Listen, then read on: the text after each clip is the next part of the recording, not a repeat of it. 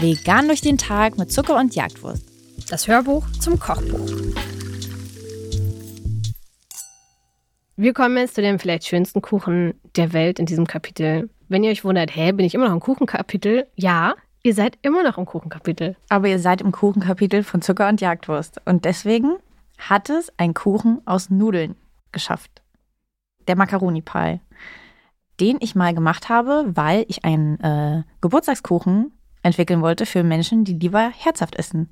Und in diesem Sinne sind diese kleinen Fleischbällchen eigentlich eine Form von Kerzen. Richtig, also eigentlich ist es ein kleiner Geburtstagskuchen, den ihr machen könnt. Und für jedes Lebensjahr packt ihr ein kleines Hackbällchen oben drauf. Ist das nicht süß? Ich weiß gar nicht, ob es irgendwann aufhört. Irgendwann ist die. Ist das Ding voll? Ihr müsst einfach kleinere Hackbällchen dann machen. Sozusagen. Das muss ich schon ausgleichen. Also, wenn ihr erst fünf werdet, könnt ihr fünf sehr große Hackbällchen draufnehmen. Wenn ihr 50 werdet, müsstet ihr 50 aber dafür sehr kleine Hackbällchen draufpacken. Aber die Menge, theoretisch, bleibt die gleiche.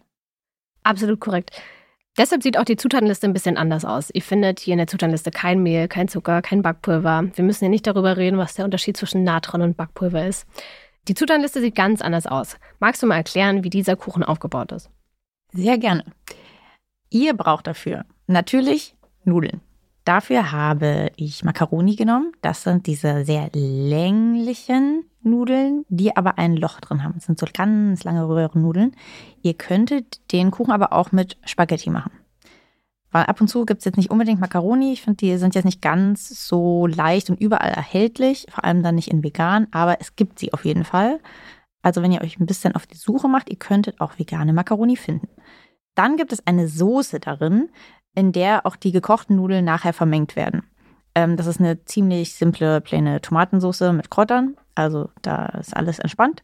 Und dann wichtig ist aber ein cremiger Mix, den ihr noch zubereitet. Der ist sozusagen das, was alles zusammenhält. Denn wenn ihr jetzt einfach nur Nudeln mit Tomatensauce in eine Auflaufform packt, dann könnt ihr das wahrscheinlich nicht stürzen und es bleibt in der Form. Also brauchen wir Leim sozusagen.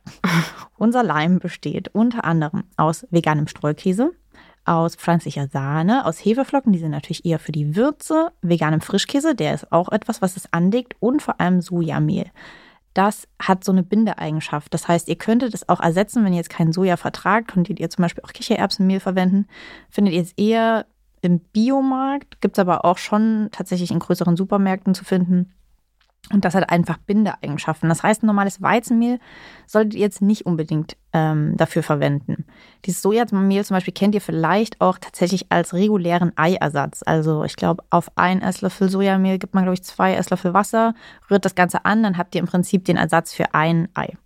Ähm, so machen wir es in dem Fall jetzt nicht. Wir rühren das einfach mit rein, aber es hat genau die gleiche Eigenschaft, dass es eben euren Kuchen ein bisschen zusammenhält. Auch der vegane Streukäse, wenn der dann ein bisschen wieder fest wird und kalt wird, denn am besten gebt ihr diesen Macaroni-Pie ein paar Minuten, nachdem er im Ofen war, bevor ihr ihn aus der Form löst, zieht das alles an. Also das kennt man auch ja von der Lasagne.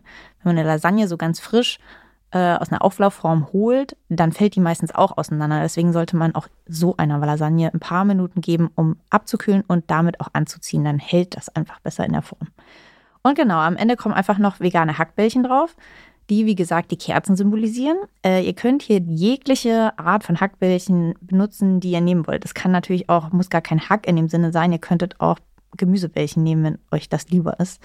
Ähm, und ich habe jetzt in dem Fall das aus ähm, rohem Hack gemacht, äh, also veganem rohen Hack natürlich, dass man selber auch formen kann. Dadurch könnt ihr auch die Größe bestimmen. Ich tatsächlich habe die einfach so drauf gegeben und fand das besser. Ich habe es auch getestet, damit, sie vorher anzubraten. Fand das aber nicht so gut. Aber wenn euch das lieber ist, könnt ihr das machen. Ihr solltet nur ein bisschen darauf achten, dass die dann nicht zu trocken werden, denn die werden ja auch noch gebacken. Also wenn ich sie, wenn ihr sie anbratet, würde ich sie nicht komplett durchbraten, glaube ich. Aber je nachdem, was ihr dann für ein veganes Hackprodukt benutzt, wisst ihr das wahrscheinlich ein bisschen auch besser, ob das trocken werden kann oder nicht. Und genau, das wäre, glaube ich, noch das Einzige, worauf man achten sollte. Und wenn ihr schon fertige kleine Bällchen findet, könnt ihr die natürlich auch einfach draufwerfen. Die gibt es ja inzwischen auch schon im Handel. Genau, aber dann spart wenn ihr euch die das. tiefgekühlt sind, die würde ich wahrscheinlich auf Ja. jeden Fall vorher mal auftauen. Mhm. Ne, also könnt ihr gucken, denn die werden ja nicht in einem Fett sozusagen angebraten oder so, wie ihr das normalerweise machen würdet, sondern die sind ja oben drauf. Und dieser ganze Pie, der kommt dann nochmal für 15 bis 20 Minuten in den Ofen. Das ist schon natürlich eine Zeit, aber trotzdem reicht es wahrscheinlich nicht aus, um, um tiefgekühlte Bällchen aufzutauen und ein bisschen bräunen zu lassen. Und bei der Zubereitung achtet man einfach darauf, dass man eine recht hohe Springform hat, oder? Würdest du da noch was anderes empfehlen? Gibt es da noch was, mm. was man beachten sollte? Nee, das ist super. Aber ihr könnt ehrlich gesagt, also eine hohe könnt ihr auch nehmen, aber wir haben auch schon, also der Kuchen, finde ich, sieht aus wie, sieht man so Chefkoch-Fails so gefühlt oder so. Das wollte ich machen, so sah es aus. Aber ähm, wir haben schon so viele Fotos von diesem Pie bekommen. Also wir können euch sagen, der mhm. funktioniert tatsächlich. Das ist jetzt nicht irgendwie, wir haben da irgendwas dran rumgebastelt und in Wirklichkeit macht ihr den und der wird niemals zusammenhalten. Es haben schon ganz viele Leute diesen Kuchen nachgemacht. Deswegen weiß ich zum Beispiel auch, dass das mit Spaghetti auch gut wird. Und da gab es auf jeden Fall auch Fotos von Menschen, die das in einer deutlich breiteren hm. Springform gemacht haben. Dadurch ist es natürlich auch weniger hoch, hält er wahrscheinlich sogar vielleicht sogar einen Ticken besser noch zusammen. Aber ja, da könnt ihr auf jeden Fall eine Form nehmen, die ihr wollt. Und natürlich, wenn euch eigentlich komplett egal ist, wie der aussieht, ihr könnt das auch einfach in einer Auflaufform ganz normal alles machen. Ähm, dann habt ihr den ganzen Kucheneffekt natürlich nicht, aber es schmeckt natürlich auch trotzdem sehr gut. Und damit ähm, ein dreifaches Hoch, Hoch, Hurra, sagt man das? wenn man Geburtstag ein dreifaches feiert. Hoch, Hurra. hoch, hoch, Hurra, klar. Ja, das sagt man auch, wenn man jemand Geburtstag sagt, sagt man auch hoch, hoch, hoch. das ist gar nicht. Naja, ja. ein dreifaches Hoch auf jeden Fall, egal was für eine Party ihr feiert mit diesem ähm, herrlichen Geburtstagskuchen. Alles Gute. Oder vielleicht auch eine Jubiläumstorte. Ihr könnt die ja verwenden für auch die goldene Hochzeit. Die goldene Hochzeit auch immer. Was auch immer ihr damit feiert, äh, wir wünschen euch ganz viel Freude damit.